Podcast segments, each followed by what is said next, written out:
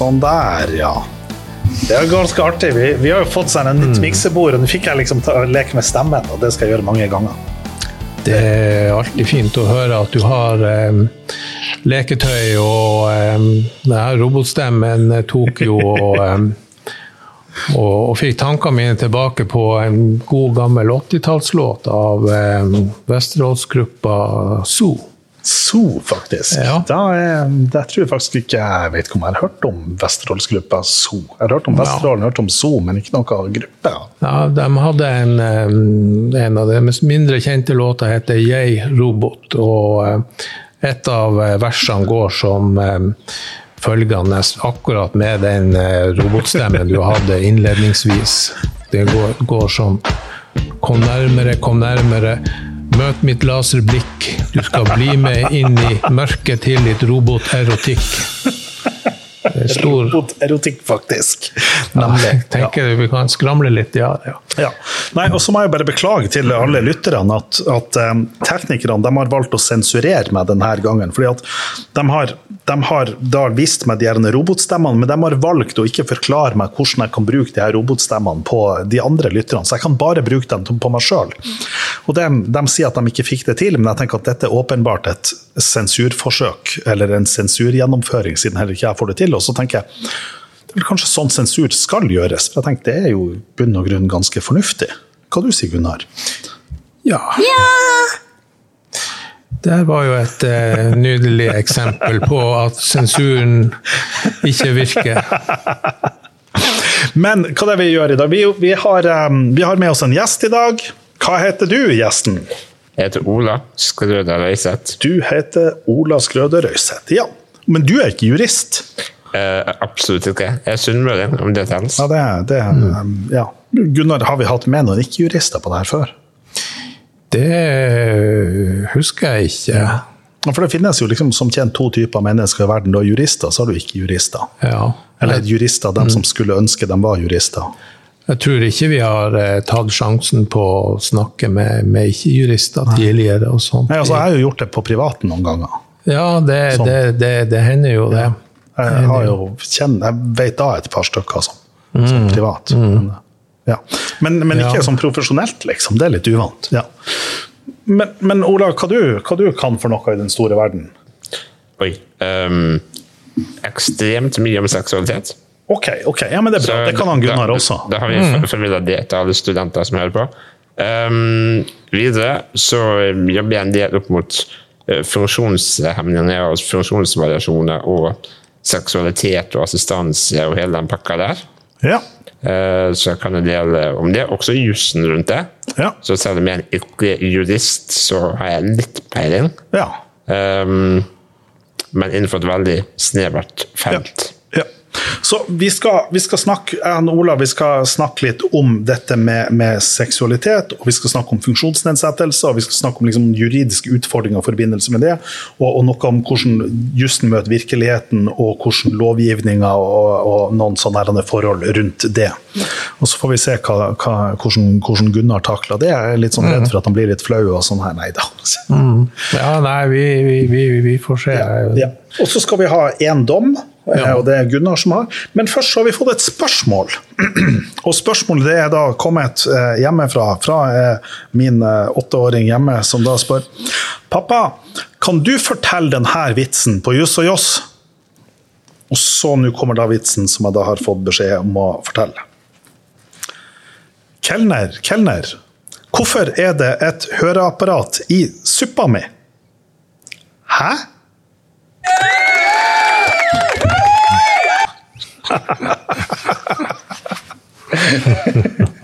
OK, ok, var ikke den bra? Slett ikke verst. Slett ikke verst. Ja, det var, det, var, det, var, det var vitsen. Så er det noen som føler for å liksom berge inn noe her, eller nei? Skal vi gå rett på Gunnars dom, eller? Ja, vi, på, vi, vi, Ja. kan, vi kan gjøre det og Ja. sånt. Jeg hadde jo òg en, eh, en, en, en barnevits. Så- hadde du det? Ja. kjør på. kjør på. Ja, vet du hvorfor kua har bjelle? Det er for at hornet ikke virker. Ah. Nei. Sånn der. Sånn. Da, da, da. Og dere, okay, ok, så dere begge to er fedre, med andre ord? Det er pa- pappavits på høyt nivå? Ja, ja, ja em, jeg har fått min fra, fra, fra barnebarn. Jeg begynte litt eh, tidligere med seksuelle praksiser, praksiser enn han eh, Marius. Ja. Jeg tok har litt tid før han fant ut av ting. skrøt du på den seksuell praktis der. okay. Ja, nei, det, det, det vet man jo ikke. Det blir jo eh, Har du ikke hørt, eh, hørt gåta eh, 'Hvem er jeg'? Mm, nei. Det, du kan jo ta den på, på engelsk. Who am I? I live next door to an asshole and hang out with two nuts. Nei, ja, det her aner jeg virkelig ikke. Ola, hva du tror om det her? Har du noen forslag? Skal ikke si Boris Johnson, men um... Hva, hva du sa for noe? At jeg skulle til å si Boris Johnson. Ja, nemlig. Ja, nemlig. nemlig. Ja, det, det, var en, det var et akseptabelt gjett. Var det Boris Johnson, Gunnar? Ja, det kan jo være et eh, praktisk svar. Ok. Ja, nei, men greit. Da, Yes.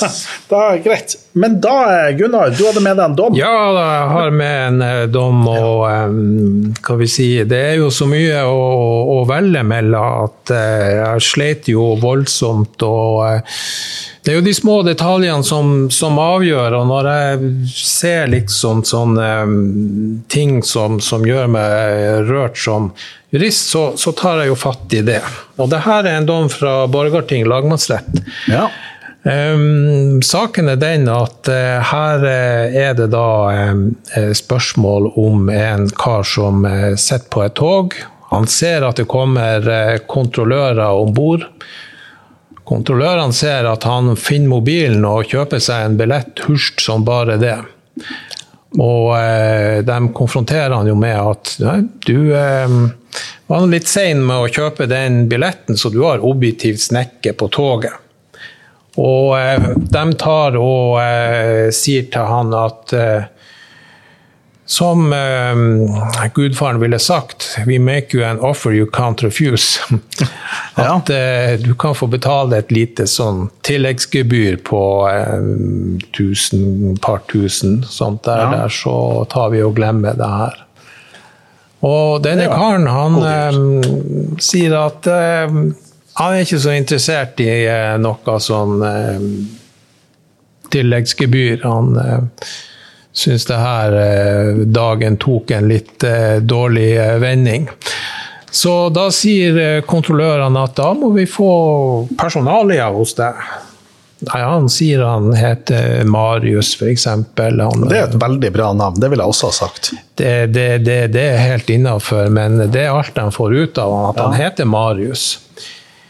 Ja, så sier kontrollørene da at da Da har vi jo ikke noe annet valg enn å ringe politiet, da. Så eh, gjør de det, og så sier de at eh, politiet er nå varslet og eh, venter på oss på endestasjonen. Og der vil vi ta saken eh, videre. Men da tenker Marius at nei, det her har jeg ikke lyst til å være med på. Så da dro han en dørfis, liksom.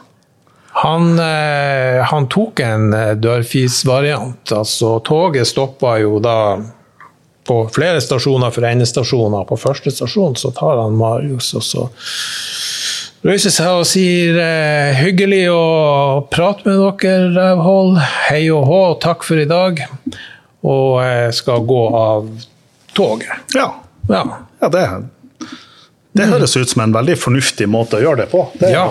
Det er klart at her, her risikerer man jo liksom både et kjempestort gebyr, man risikerer en straffeforfølgelse, man risikerer masse ubehag. Det beste å komme seg ut av det med en gang. Det syns Ja. jeg høres kjempelurt ut.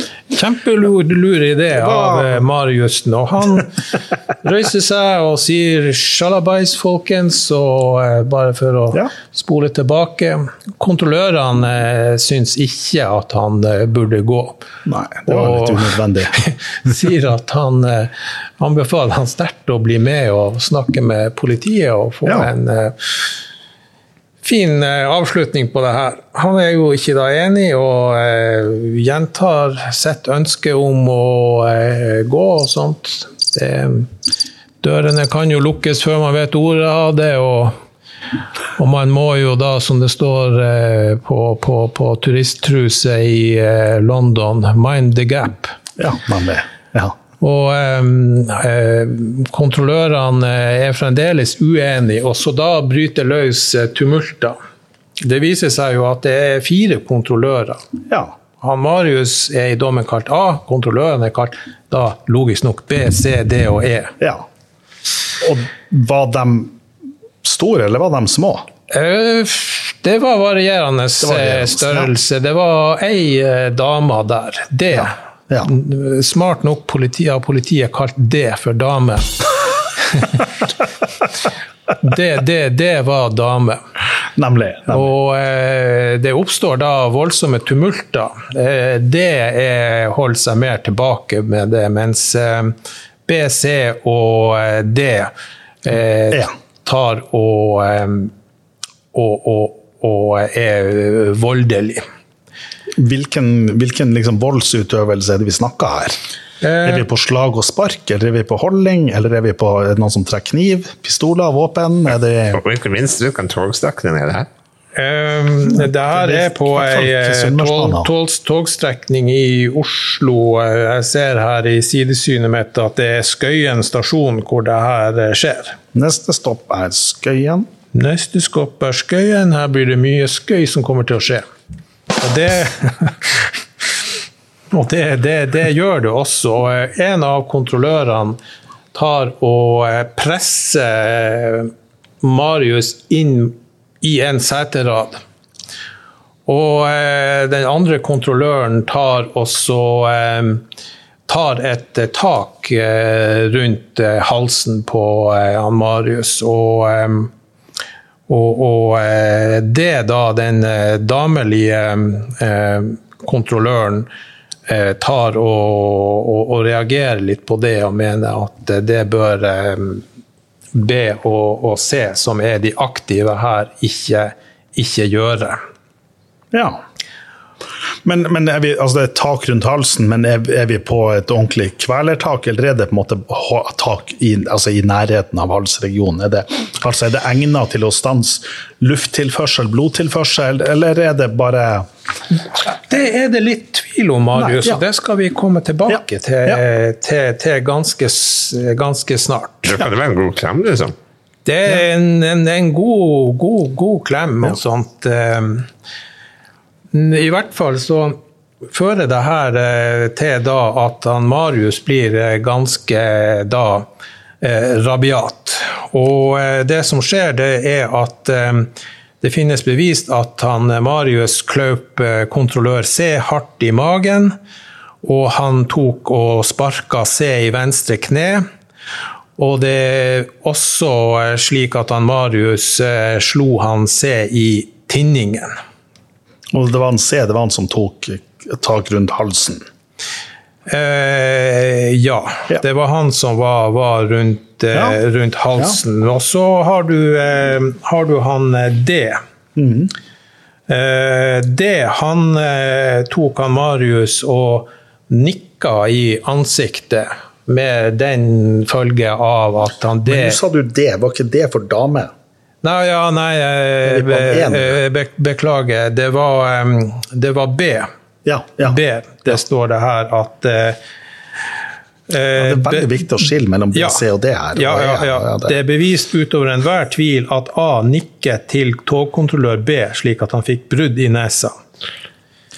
Så um, her eh, er det da masse Brudd i nesa, det er en ganske voldsom kraftutøvelse. Ja. Marius blir tiltalt for eh, brudd på togkontrolloven, eh, brudd på straffeloven eh, om kroppskrenkelse og kroppsskade. Men den lov som heter togkontrolloven, er Ja. det det du sier her? Ja. Den har jeg ikke hørt om før. Nei, togkontrolloven gir togkontrollører tilbakeholdsrett, som det heter Ja. da, pussig nok, Ja. i passasjerer. Det her er jo kjempeinteressant. Ja. Fordi at, fordi at, og Før vi da har kommet noe videre, så må jeg jo si at sant, det, sant, her har du på en måte en lov som gir en tilbakeholdsrett. og Så reiser det jo da umiddelbart, så vidt jeg kan se, noen prinsipielle spørsmål. Sant, hva, hvor langt er det man kan gå i forhold til gjennomføring av en tilbakeholdsrett? Du har en lovhjemmel for noe, og så er det spørsmål hva kan du gjennomføre i kraft av denne lov, lovhjemmelen. Mm. Hvor stor voldsbruk du kan gjøre. Og det her har jo en prinsipiell dom som da, eller får jo da, Hvis Høyesterett får tak i den her, så får det prinsipiell betydning på veldig mange andre områder. Ja. F.eks. i en psykiatrisk institusjon hvor psykisk helsevernloven gir en hjemmel for tilbakeholdsrett. Så er det spørsmål hvor stor voldsutøvelse mm. kan utøves ved en sånn tilbakeholdsrett. Ja. Uh, og Det er jo også interessant, at det du bare beskrev her så langt, så er det beskrevet at i en, i en, faglig situasjon så høres det ut som at det er en, altså at en ufaglig tilbakeholdelse. Jeg tenker ja. at det å gjennomføre ja. et kvelertak eller et tak rundt hals, det, det, på en måte, det høres ikke helt proft ut, for å si det sånn. Nei. Eh, loven gir kun tilbakeholdsrett eh, så fremt det ikke medfører et uforholdsmessig inngrep. Ja, nemlig. Jo, men den vil måtte variere om det er en helsemessig årsak til at du tilbakeholdes eller som i dette tilfellet her, en økonomisk. Mm. For i en helseinstitusjon så kan man argumentere for individets beste. Mm. Men du kan ikke si at det er individets beste å holdt igjen på tog til en annen destinasjon enn det du vil av på. Ja, Godt, godt poeng. I, I, gamle dager så ble det jo sagt sånn at, at legene bare kunne vise til at du hadde ikke innsikt i din egen sykdom, derfor må vi tenke og handle for deg. Sier du i gamle dager, gjør de ikke fortsatt det? Ja, jeg har vært litt borte fra helsejussen de siste 30 årene. Ja, men Du har vel skille mellom helsejussen og hva det legene sier? Ja, riktig, riktig. Ja, det, Kanskje forskjellen var at det legene sa, var helsejussen i gamle dager. Nemlig. nemlig. Før sånne helsejurister kommer og ødelegger alt. Jeg tror, ja. jeg tror ikke det, med, det med modell tror ikke jeg har kommet til Trøndelag helt ennå. Nei. nei, nei. Nå kjenner jeg at jeg skal stoppe med mine kommentarer her på akkurat det her til helsejussen. for ja. der kan jeg jo noe om, liksom. Mm. Men så tenker jeg at, at fordi at det prinsipielle her Først ja. er det liksom på togkonduktører og sånn, men så jeg tenker det at her er det liksom, når vi, hvis vi får et prejudikat på det, en del av ja. den prinsipielle tenkninga tenker også vil være overførbart. Og som Ola påpeker, ja. så vil det likevel noen begrensninger, for det vil være mm. ulike formål med de ulike lovene osv. Absolutt. I denne her loven så var det slik at uh, Forarbeidene sa at eh, kontrollørenes adgang til å utøve fysisk makt er svært begrensa. I realiteten kun har de rett til å oppfordre en passasjer om å eh, eh, være med til endestasjoner ja. og sånt. De har ikke noen særlig rett å gripe inn med, med, med, fysisk, eh, med ja. fysisk makt. Svært ja. avgrensa. Ja. Egentlig ikke mer enn egentlig en ja, så litt eh, jeg skal ikke si det samme som en eh, vanlig privatperson og sånt. Eh, vi kan jo sammenligne med andre grupper. Har lærere lov å bli voldelig mot skoleelever? Nei. Noe sånt. Ja, det, det. Men, det, men det, er jo et, det er jo et interessant poeng. For, ja. Men jeg kjenner, jeg, jeg, kjenner at du kan trykke på en play-knapp på meg. og sitter her og prøve å holde på hendene ja. mine for ja. å ikke gå inn på alle de andre gruppene. Ja. La, la, oss, eh, la oss komme til, til, til saken og de herlige poengene. Her eh, var det jo da kroppskrenkelse og kroppsskade. Ja. Det var klyping, spenning og neseknekking. Ja. Marius tok eh, ordentlig for seg mot eh, B og C med D og E som mer eller mindre skrekkelagne ja. tilskuere. Og her skulle det jo være grei skuring for eh, påtalemakta. Det her er jo ren produksjon for dem å få bura inne han Marius Desperado. Men ja, hadde, men ikke nødvendigvis, for det er noen argumenter her. Det er noen argumenter her, og forsvareren tok og eh, påsto at han eh, eh, Disse kontrollørene hadde gått lenger enn jernbaneloven, mm. og at eh, i forhold til de strafferettslige spørsmålene så handla Marius i nødverge. Ja. Og nødvergeregelen sier at eh, nødverge er straffritt, når det ikke går lenger enn nødvendig. Og når det ikke går åpenbart utover det som er forsvarlig under hensyn til hvor farlig angrepet er, og hva slags interesse som angrepet krenker, og angriperens skyld. Nemlig. Nemlig. For, jo, sant, for det aller første så er vi jo da spørsmålet på har eh, disse kontrollørene gått utafor den hjemmelen som de har. Og Ut fra det du sier innledningsvis, så høres det ut som at de har gjort det. At de på en måte har gått lenger enn det. Og da høres det også ut som at det er en ulovlig tilbakeholdelse, at det er en ulovlig altså, frihetsberøvelse, og det har man jo da lov til å verne seg imot. Um, og, da, og dermed så vil jo normalt sett være tillatt med en, med en kroppskrenkelse, men så vil jeg jo gjette på at han kanskje har gått for langt ut fra nødretts- og nødvergebetraktninger. Absolutt. Og eh, her er det jo dissens, og det er jo noe av det, av det første interessante. Ja. Eh, Det er meddomsrett Ja. eh, som pådømmer det her. Og i et mindretall med de to fagdommerne og én meddommer mener at han gikk for langt. ja. Han gikk lenger enn det som var nødvendig. Eh, Men eh, hva vi sier, mindretallet har jo litt også sånn kunstige betraktninger at, eh, at han Marius ikke hadde grunn til å frykte at togkontrollerendes maktanvendelse ville bli spesielt farlig. Og både ut fra situasjonen og at kontrollørene hadde prøvd å snakke han til rette. Ja. Men spørs hvor langt det holder. Ja. Mer interessant, flertallet er fire da er meddommere. Og jeg ser jo at dommen de er HR-konsulenter, ingeniører, konsulenter, vanlige Ja. folk. ja. Og de eh, bestemmer da at eh, han eh, Marius, han forsvarte seg innenfor rammen av nødvergebestemmelsen.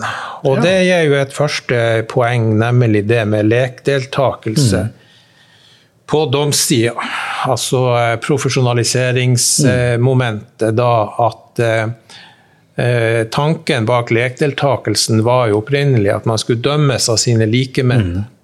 At man skulle få inn den alminnelige oppfatninga blant folk i rettsanvendelsen. Og at ikke, hva vi sier, professor- og prokuratorjussen skulle da føre til urimelige resultater. ja.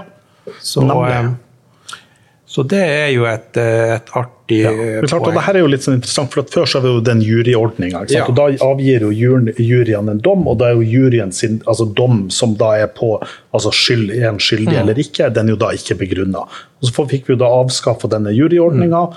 Så at det er et typisk eksempel på det, hvor du da får dommen satt med to fagdommere og fire, fem, fem lekdommere. Mm. To fagdommere og fem lekdommere.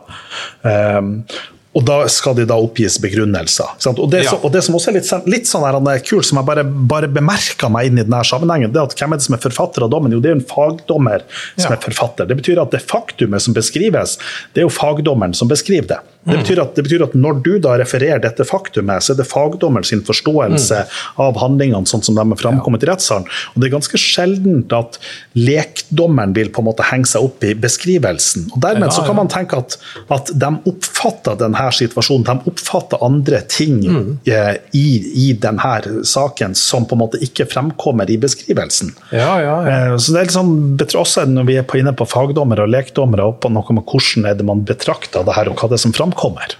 Det, det, det, det, det er veldig interessant. Eh, Det som òg er litt interessant, det er å spekulere litt i det. Hva er det som altså beveger emosjonene til det her eh, lekdommerflertallet? Og det mener jeg ligger ganske tjukt eh, utpå i begrunnelsen. men husk på at det sitter han Ole her, han er jo lekmann. Det kan hende han blir krenkende. Så bare, bare liksom tenk etter nå før, Ja, ja, før du ja, kommer ja. inn og karakteriserer dem her. Altså, jeg sitter og tenker at jeg, vet om mange grupper i samfunnet som kan ha et lite motiv for å ta rotta på togkontrollører.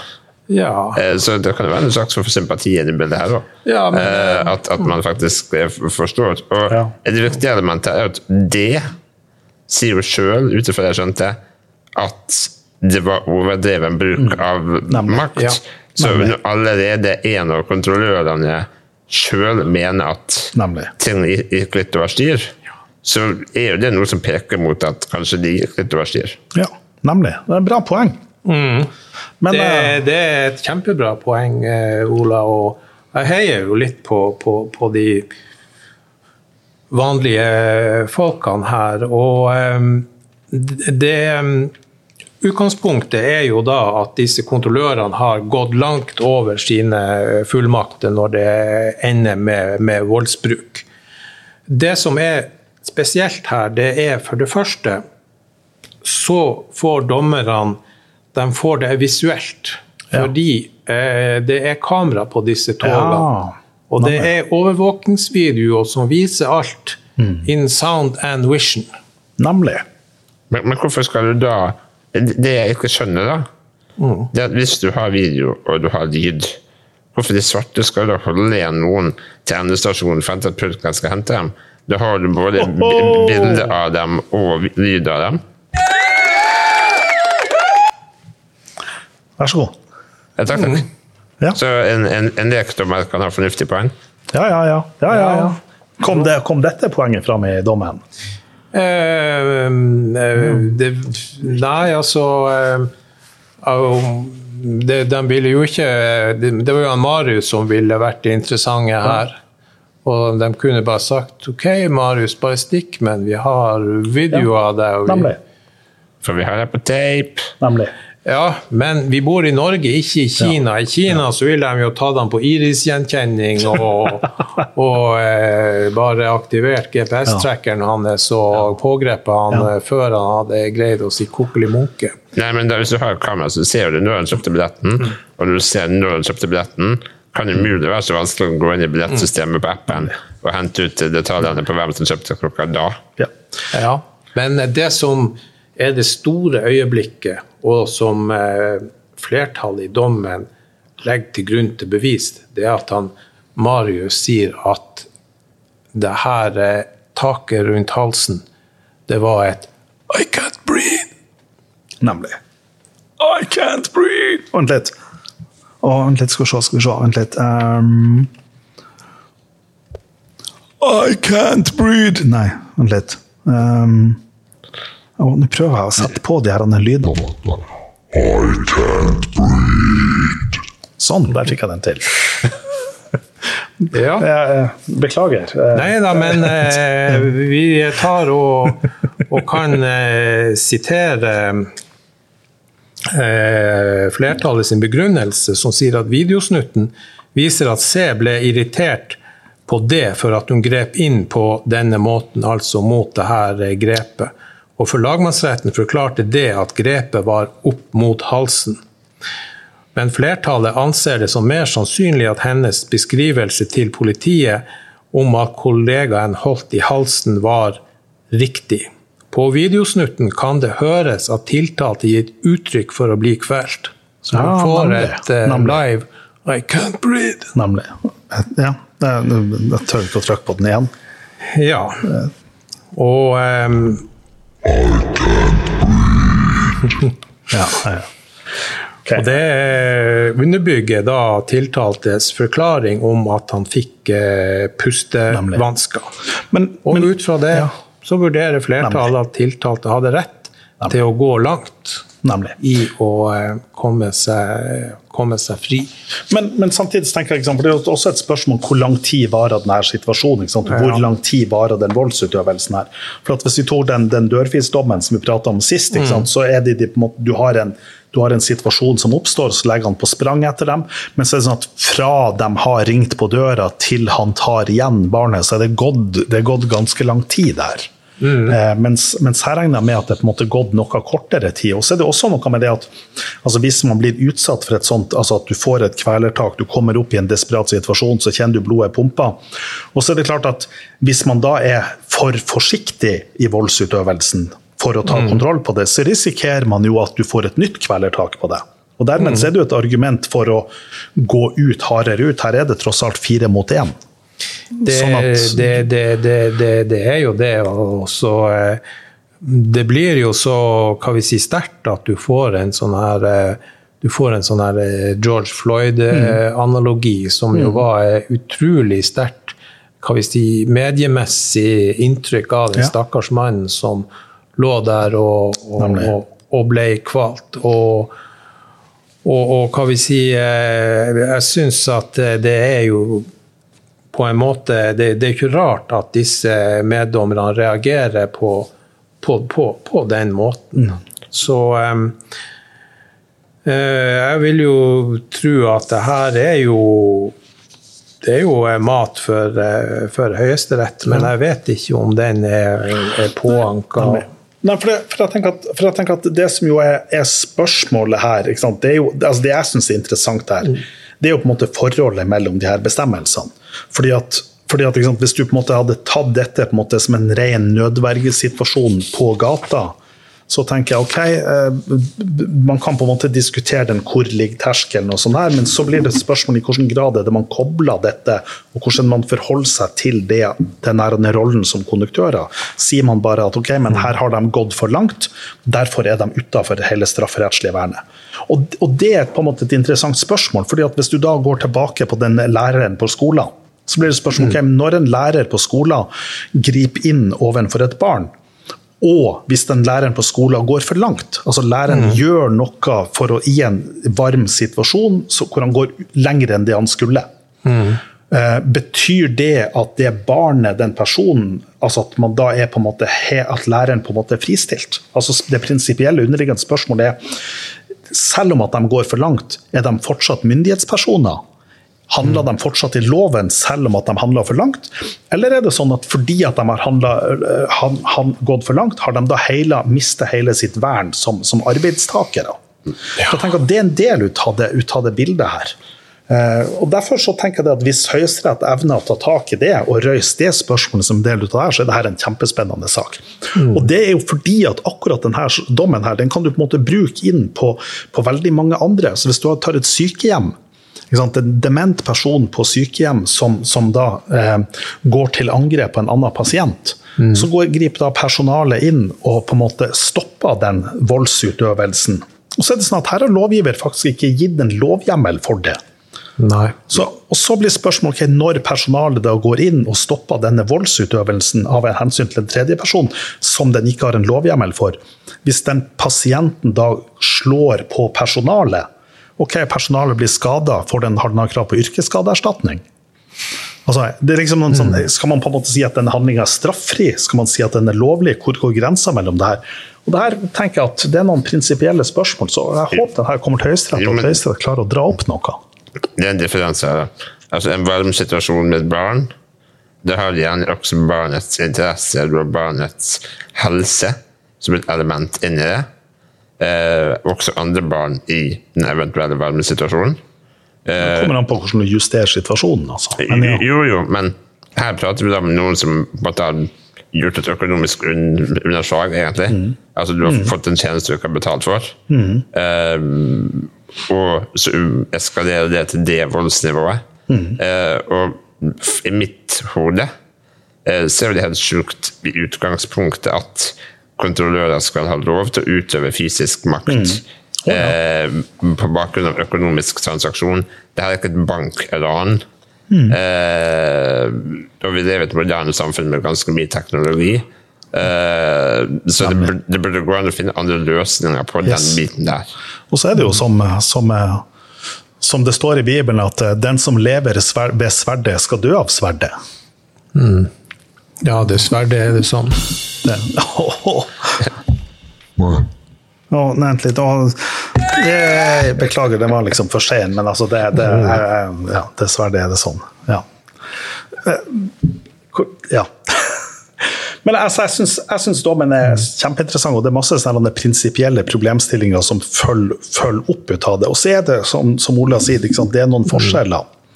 Men, men, samtidig Det er også noen sånne prinsipper. Jeg har, jeg har et eksempel fra en, fra en barnevernsinstitusjon. Det er, da, det, er da, på en barnevernsinstitusjon hvor du da har en utageringssituasjon. Altså hvor det er en ungdom som da utøver vold imot personalet.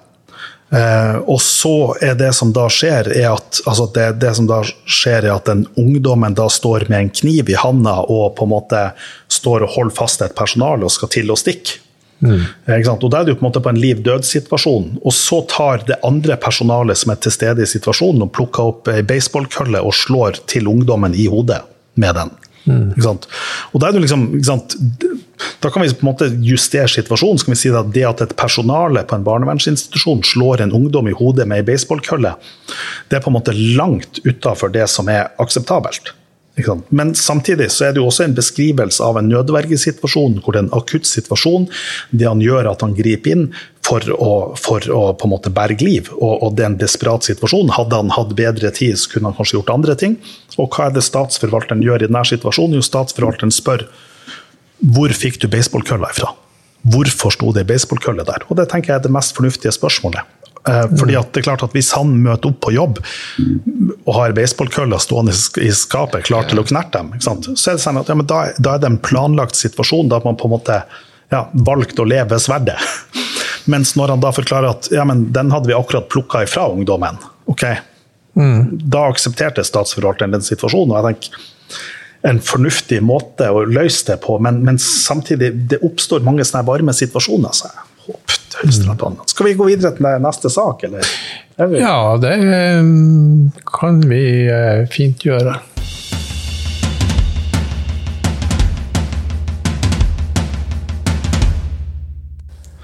Ja, Ola. Hvordan skal vi begynne å komme oss inn på det her, da? Hva er, hva er problemstillinga? Skal, skal, du begynne å fortelle historie, eller skal jeg spørre deg spørsmål, eller skal jeg fortelle, eller altså, Som nesten absolutt alt, så er det enten eh, ja, alt bundet i libido, skal jeg si. Ja. Ja. Altså jeg, må, jeg, må, innlede her med, med å liksom si at han Ola han har sånn, vært litt sånn skeptisk, for han er en ganske skada fyr som, med liksom en del sånne enorme funksjonsnedsettelser. Og da, og da, er vi liksom på den kognitive typen, og det er jo fordi at han har fortid som Frp-er. Um, ja ja, men uh, alt kan repeteres, som Jokke Valentin ja. sa. Det, det, var et forsøk på en vits, men det gikk ikke. Ja. Nei, nei, men, for, å si sånn eh, man lærer så lenge man lever, men de lider fortsatt av noen sånne irriterende tanker om individets frihet yes. og selvbestemmelse og litt sånne ting som ikke er så ja. populært å ha for tiden. Eh, men eh, det bunner i et ønske om et fritt og selvstendig liv, som jeg tror i hvert fall en del litt lenger nordpå kan føle seg tilknytta til. Ja. Ja.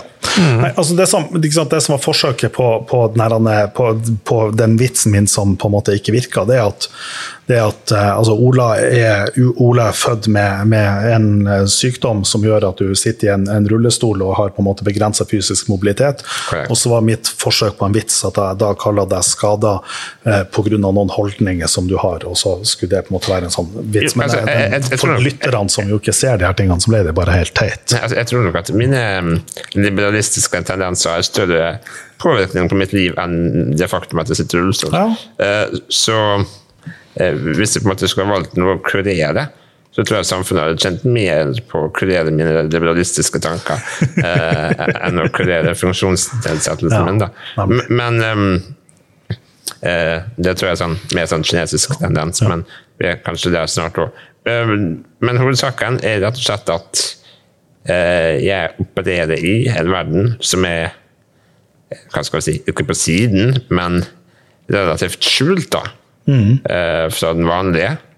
Eh, og det har med da seksualitet og assistanse å gjøre. Yes.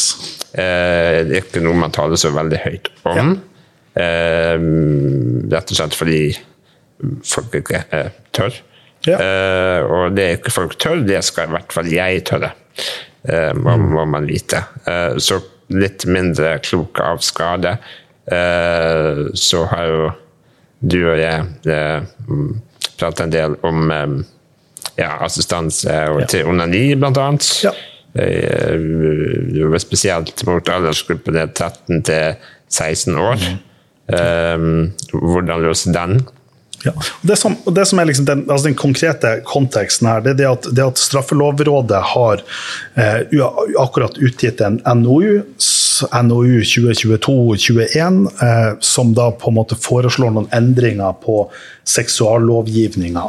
Og bare for å få tak i den, den fine, vakre formuleringa her, så er det altså snakk om strafferettslig vern av den seksuelle selvbestemmelsesretten. Og i den her så er det på en måte flere ting man da gjør. Man på en måte, en ut av de tingene at man foreslår å oppheve sexkjøpsloven. En annen ting man gjør, man foreslår å endre den seksuelle lavalderen fra 16 år og ned til 15 år. Og så synes det også at man i de skillene i dagens straffelov, ikke sant, du har ei ramme på 16 år og så har du ei på 14 år, at man på en måte man endrer det ned til 15, og så gjør man noen av de skillene som tidligere har vært, at man gjør en del av de tingene i, i utmålingsleddet. Eh, sånn at, sånn at det, liksom, det, er flere sånne justeringer og endringer som foreslås. Og så er det han Ola da har satt oss ned og, og gjort og jobba med der. Vi har jobba et par dager med å lage til et, et, høringsutkast hvor vi på en måte tar for oss eh, funksjons, altså seksualitet for funksjonshemma. Um, og da er det på en måte forhold til de, Det er vel tre hovedspørsmål vi har tatt for oss. Det ene er i forhold til det å uh, onanere eller runke eller masturbere. Jeg er litt usikker på hvor, Gunnar, du som sensurerer meg her, hvilket mm. ord er det jeg skal bruke her? Um, selvstimulering. Vi, vi kan konkludere med at du har litt mer livserfaring enn uh, enkelte her. Nei, jeg tenker Det, kan hende at, det kan hende at jeg har onanert mer enn han Gunnar. Jeg skal vi diskutere det? Nei. Nei det er, Nei, jeg tenker hvilket begrep man bruker er av eh, mindre betydning. Det viktige her er jo at man er sikker på at man eh, har sex med noen man er glad i. Nemlig. Nemlig. Men, men, så er det klart at, at for her er det jo for det er tre problemstillinger vi tenkte å skulle føre oss. Det ene det er på en måte det å utforske sin egen seksualitet. Ja, Hvis man gjør det med seg sjøl, så er man jo sikker på det. At det er noen man er glad i. Ja, ja det spørs hvem du spør. oh, nemlig. Ja, nei, sorry Gunnar, du, har, du har så mye sjølforakt og sånn her, så du får ikke lov til å ta på deg sjøl. Det er faktisk straffbart. Mm. Hendene på dyna. Hendene på dyna, vottene på, kyskhetsbeltet på, Gunnar. Ja. Oi da. Her stenger du alle veier. Her, her er det harde bud. Ja, men, ikke sant, men, ja, det er jo en forutsetning. Ja. Men den andre, den andre problemstillinga dreier seg om ok, men da har du da to, to, personer med en funksjonsnedsettelse som er kjærester og som ønsker mm. å, å, ha seg. Mm. Og La oss nå bare gjøre det enklere og si at de da har fylt 15 år i, i den lovforslaget, eller 16 mm. år i dagens. Men at de er under 18 år. Ja. Ok, Men de trenger da bistand fra en assistent for å gjennomføre det her? Mm. Ja, det, det syns jeg er rett og, og ja, rimelig, det. Men hva det assistenten gjør? Assistenten den får jo to personer under 18 år til å ha sex. Ja. Og hva du tror lovgivninga sier om å få to personer under 18 år til å ha sex? Og fy og skam, sier de da? Fy og skam, sier man da. Mm, ja, det kan hende at det er fy og skam, men eh, det er vel ikke noe medvirkningsansvar her. Ja, for det er jo det som er spørsmålet. Er det noe medvirkning, og hvor langt går det? Fordi det er flere i de her bestemmelsene her som, som, på en måte problematiserer altså hvor du på en måte, sånn som vi leser, så er det sånn at det er mm. flere av de bestemmelsene hvor dette kan være problematisert i forhold til medvirkning. Jeg tror at uh, det ledende uh, synspunktet her er jo når du uh, I disse sakene, det er jo om det er to samtykkende personer som er omtrent på samme alder og, og, og utviklingstrinn. Og, og, her har du jo lagt opp til, til, at det er ganske slik. Jo, men problemet er at du har en tredjepart som ja. da skal være aktivt involvert i gjennomføringen av den handlingen. Eh, ja, kan du ta og spesifisere litt ja, mer hva den aktive Ta, ta det eksempelet vi hadde. Vi hadde to um, eh, Hvis det var to personer med cerebral parese som mm.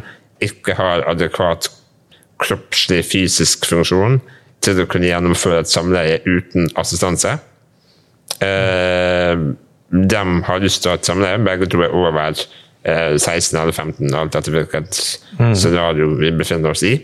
Eh, og de eh, ønsker det. Mm. Per nå-situasjonen, eh, så er det argumentet at det juridisk i dagens Norge ikke er mulig for dem å da få assistanse til å gjennomføre eh, det samleiet, da. Mm.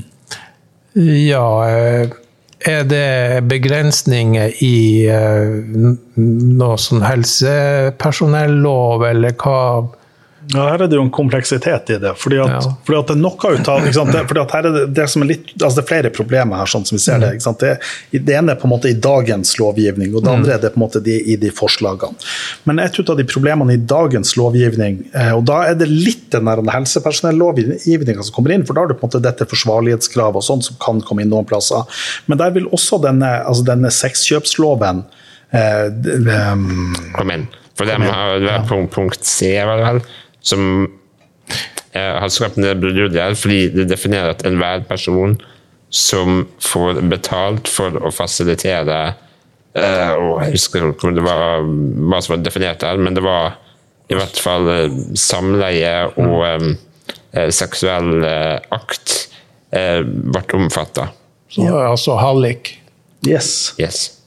Det er klart at det er jo litt sånn, det er litt sånn dumt å ha en lovgivning som kan ramme assistenten. Og så kan man jo tenke ok, her vil jo da den fornuftige um, påtalemyndigheten og sånt, vil man si at ja ja, la oss bruke tida på noe annet. Men, men, det klart at, men det er klart at for den som er arbeidsgiver for denne assistenten, den må jo på en måte holde seg innafor en lovgivning på en sånn måte at arbeidsgiveren, arbeidstakeren, ikke skal opptre på en måte som er straffbart. Men, men la, oss, la, oss, la, oss begynne med, la oss begynne med barn.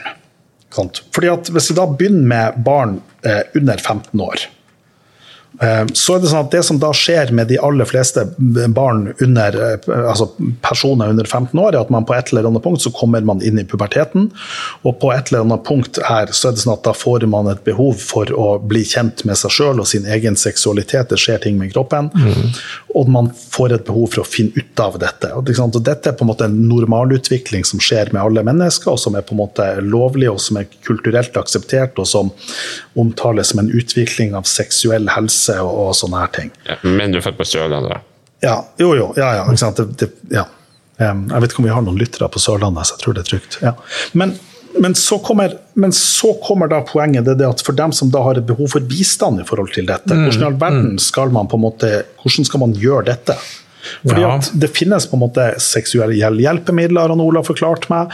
eh, Men så Som til og sånn med Nav betaler? som til og med Nav betaler. Men så er det klart at men for den som da em, hjelper til med å montere eller sette på disse seksuelle hjelpemidlene og på en måte bistå med det, og eventuelt bistå i, i forhold til den erigerte penisen, og tar på barnets erigerte penis og legger til rette for det, ikke sant? da da er vi på en, på en, på en handling som altså en seksuell handling med barn. Ja, Og her er det som er et lite helvete, for å være helt ærlig, Ja. i dagens lovgivning. For i dagens lovgivning så har vi på en måte funnet kall et smutthull, eller en vei, da, eh, for å kunne fasilitere eh, bruk av seksualtekniske hjelpemidler for dem som da er under 16 etter dagens jus.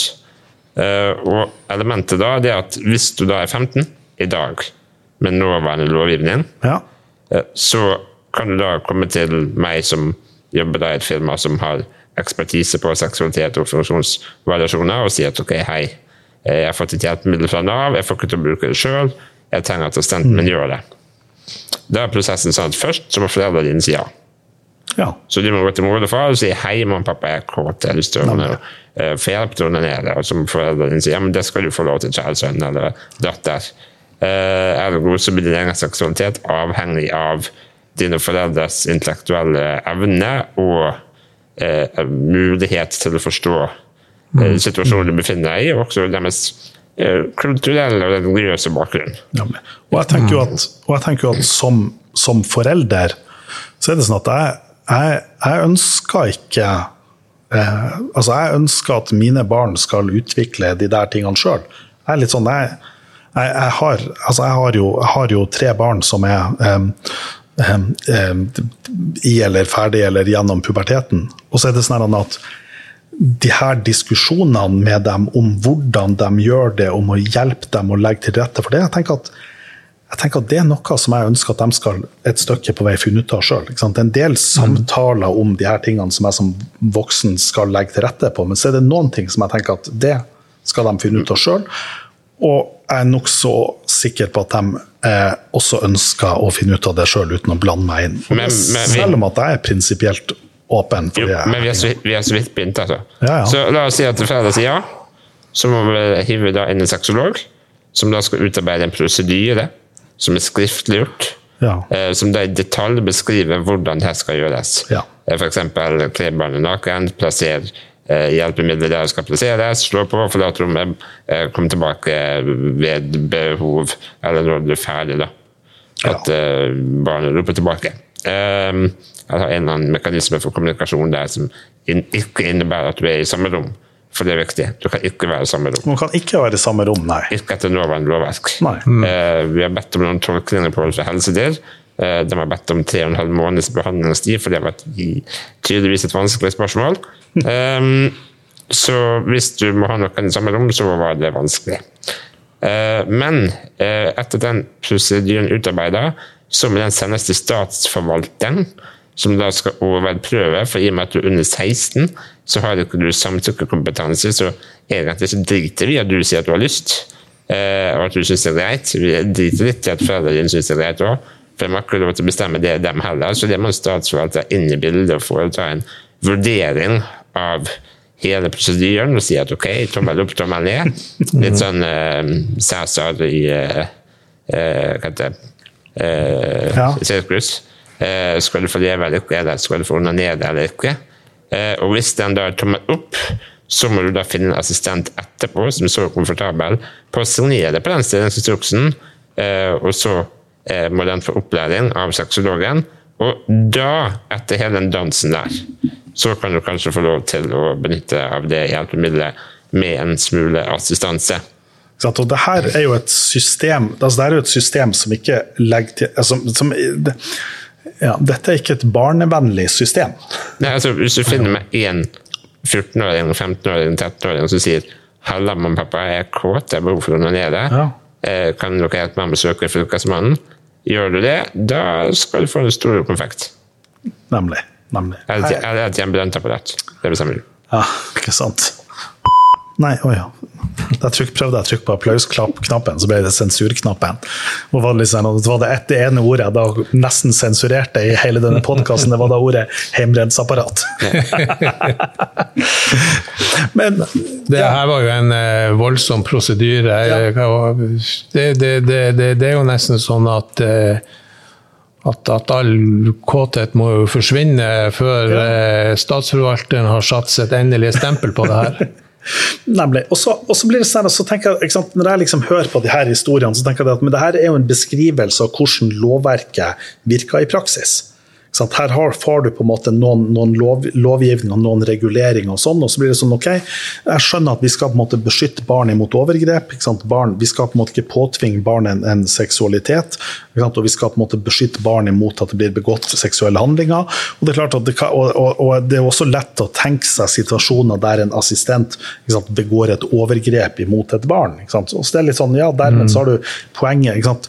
Alle de her skrittene hver for seg er på en måte logisk, Ja. men, men samla sett så gjør det på en måte et hinder som gjør at, at altså de, de beskrivelsene at barn, ikke, barn med funksjonsnedsettelser ikke kan utvikle en, en naturlig seksualitet. Du får i hvert fall et, sunt og normativt forhold til egen seksualitet på bakgrunn av den type ting. Men så må det legges inn i bildet her at den type funksjonsvariasjoner eller funksjonsnedsettelser vi nå prater om, det er funksjonsnedsettelser som på tradisjonell basis ikke fantes så mye av for 40 år siden. Ja, fordi man rett og slett døde. Ja, Eh, Så, så det her er på en måte Nye er problemstillinger. Ja, det er på en måte, La oss definere det som en, en ny del av befolkninga. Ja. Fordi du har individ som lever lenger, og som lever bedre, med Mm. diagnoser som tidligere hadde en relativt rask terminalfase. Nemlig. Ja. Så um, på en måte vitenskapens fremskritt ender opp med å bli jussens eh, hodepine. Ja. Eh, Så så man må tilpasse jussen til et samfunn hvor man har individ som tidligere faktisk ikke fantes. Ja. Men så tenker jeg også det at men det, liksom, Når jeg hører de prosedyrene her, så tenker jeg også det at men hvor mange av de her prosedyrene er det som Altså, Hva er det som på en måte er beveggrunnene her? Er det det at du har altså Er problemet at det, at det er noen jurister som egentlig sitter og sier stopp her? Så tenker jeg at både jeg og Gunnar er litt sånn ja, men ja, men hva er liksom egentlig problemet? Og så blir det sånn, ja, ok, vi kan på en måte se noen konkrete problemer her, men, men, men samtidig, det har noe med regulering av samfunnet vårt som på en måte, vi, fordi at vi skal hensynta, vi skal forutse alle problemer, og vi skal demme opp for dem. Og så ender vi opp med at vi lager til systemer som, som skaper problemer, istedenfor å Men eksempelet da, det er jo det at um, Nå prater vi om BPA-verden, som jeg da jobber med. Jeg jobber for medvindassistanse, som jeg også var med å starte. Og, og dette programmet er sponset av. Yes, yes. måtte bare. Um, og det er den eneste leverandøren som har prosedyrer for onani. Ja, det finnes ingen andre. Så dem som da kommer til oss eh, fra andre leverandører, de sier jo tydelig at vi fikk ingen hjelp der. Ja, og det er fordi at juristene i de andre leverandørene sier at det her skal ikke vi røre, det er for betent. Nemlig. Og de som jobber i kommunal sektor, det er enda strengere. For, se for deg altså Utsida. Eller eh, Enebakk, ytre, ja. ytre Enebakk kommune. Vet du postnummeret til Ytre Enebakk kommune? Nei, nei. Det er 1914. Ja, ikke sant. Og det er jo, vet du hvem som har hovedkvarter der? Nei. Jehovas vitner. Ja, ikke sant. Ja. Hvorfor de, har de hovedkvarteret? Jo, fordi at i 1914 var da Jesus kom tilbake, eller et eller annet sånt. Ja. En stor symbolverdi. Har jeg hørt. Jeg ja. vet ikke om det er sant. da. Men apropos Jehovas vitner, så kan vi da garantere at Ytre Enebakk ikke har noen mulighet for kommunal håndtering av seksualitet for mennesker med dødsdansebehov. Ja, eh, og der har du på en måte hele linja på problemer som da begynner å komme. da. Eh, for man er hele tiden redd for et, en juridisk backlash, enten Nemlig. fra den ansatte eller fra assistansemottakeren. Nemlig. Men men ikke sant, for Nå har vi snakka litt om sant, dette, dette, med barn og på en måte det å utvikle en seksualitet. Men hvis du da tar, du da tar, tar voksne fordi at det er sånn, Gunnar, jeg har et, har et spørsmål til deg. Mm. Um, har, du, har du noen gang brutt loven? Ja, så det er liksom din, din kommentar til det. Eh, det syns jeg var kjempeinteressant. Mm. Men, men, Gunnar, hva du, hva du tenker om um, det å lovbrudd Er det en menneskerett å bryte loven? Du kan si det sånn at eh, jeg tror at eh, noen ganger så må du bryte loven for å kunne ta og så gjøre noe som er en menneskerett. Ja. Ja. Så eh, det blir jo et sånn eh, halvfullt eller halvtomt glass-spørsmål, eh, akkurat eh, det her. Og eh, jeg har jo egentlig ikke sånn, eh, sånn, sånn voldsomme sånne rettsbruddfølelser her. Her dreier det seg jo mer om å komme mennesker som har en, en funksjonsvariasjon i i, i møte, og la dem få ta også ta del i det som hører til et uh, fullt og godt uh, menneskeliv, og uh, hva vi sier, den, den der uh, hallikfaren, den, den det, det, det, tror jeg at det, det vil ikke noen norsk domstol dømme noen, noen, noen for, for at det er jo ikke snakk om at assistenten har et eh, slags ærverv i forbindelse mm. med en organisert. Ja. kjøp og salg av, av sex. Så eh, jeg tenker at eh, det er ikke så mye snakk om lovbrudd, men det er snakk om, om et normativt regime som har voksesmerte her. Yes. Yes. Men, men, men, vi kan også men altså, vi kan gå på, inn på andre sida. Vi har jo den, den nugjeldende sexkjøpsloven, som da gjør mm. at det, det, er forbudt å kjøpe seksuelle tjenester. Og så er det sånn, skal man på en måte mene hva man vil om den, men, så, men min tankegang rundt den er det at ok, her har samfunnet normativt sagt at dette er noe vi ikke ønsker i, i samfunnet, derfor har vi på en måte straffebelagt det på en måte for at det er et uønska fenomen. Og så er det sånn at hvis noen likevel velger å gjennomføre det, så er det sånn at Vi har ikke innført et system med dødsstraff. Vi har ikke et system med kastraksjon. Det er på en måte i, i, realiteten så er det bot man får dersom man gjør det, som er på en måte en tydelig smekk på fingrene. Sånn at på en måte Man har valgt å lage til et forbud, og så har man valgt til å lage til en straffereaksjon. Men for, for, den som da har en, en, funksjonsvariasjon som gjør at den er avhengig av en assistent for å gjennomføre dette, så vil det jo være sånn ok, da vil denne handlinga da være en ulovlig handling, og her vil du på en måte ha medvirkningsregler som da vil gjøre at denne assistenten som da bistår med dette lovbruddet, den vil da kunne bli dømt for medvirkning til dette. Og da er vi jo over på et sånt problem som da gjør at denne med funksjonsvariasjon vil være forhindra fra dette lovbruddet. Nå ga jeg eksempel i forhold til mm. sexkjøpsloven, men vi kan gi andre eksempler i forhold til f.eks. For narkotikabruk. Eh, det å røyke cannabis eller, eller, andre typer stoffer som ja, ja. ja, det er forbudt, og det er på en måte lovgiver har markert det, men det er likevel relativt vanlig i samfunnet at det er ganske mange som gjør det.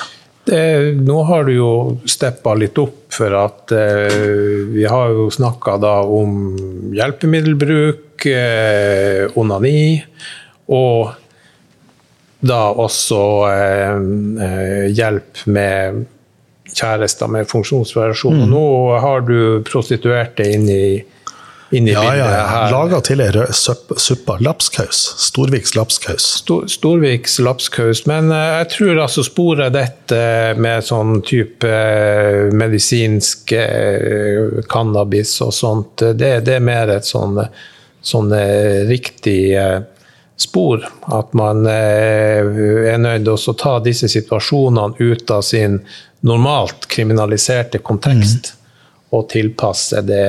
Ja andre tilfeller. Jeg så faktisk et TV-program eh, fra Danmark hvor man hadde Danmark er jo liberalt, men det var noen problemer her. Jeg vet ikke om det var med altså, tilgjengeligheten på sexarbeidere som kunne eh, gjøre jobber med prostituerte. Og så samla de et eh, helt gjeng på hjul, og så for de eh, til Amsterdam og eh, og fikk ta del i et mer utvikla tilbud. Ja. For da mennesker med funksjonsvariasjoner. Ja, ja, ja. ja nemlig.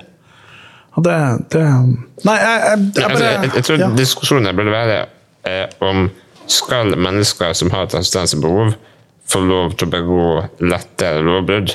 Det er en differanse på drap eller å mm. Eh, røyke hasj. Det er en differanse på å rane en bank ja. eh, eller å drikke alkohol før 18.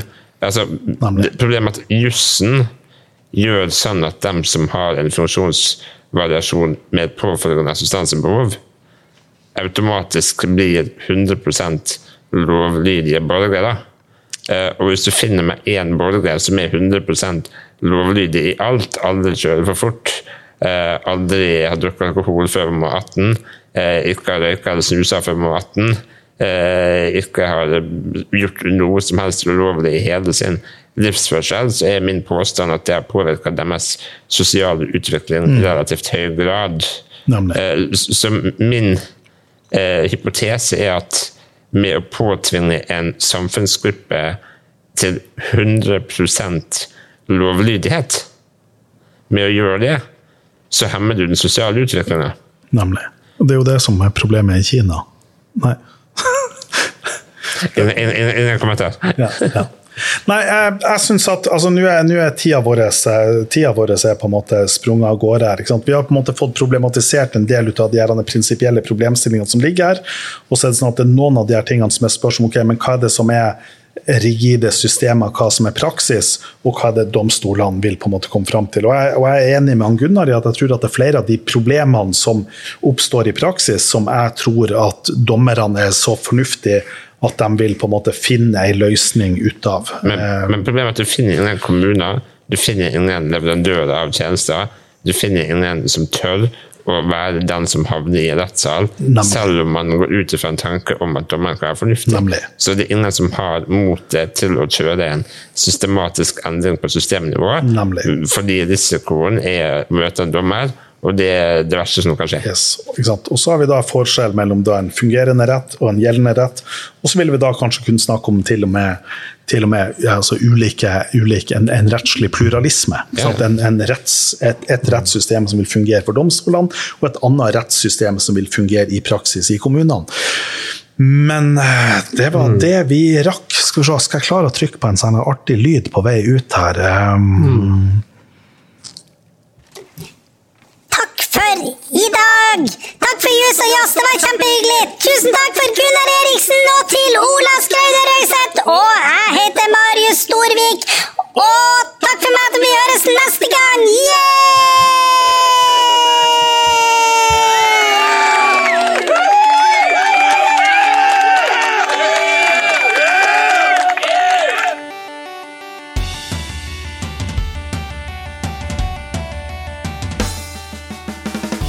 Podkasten Just og Joss produseres i samarbeid med Result på Universitetet i Tromsø.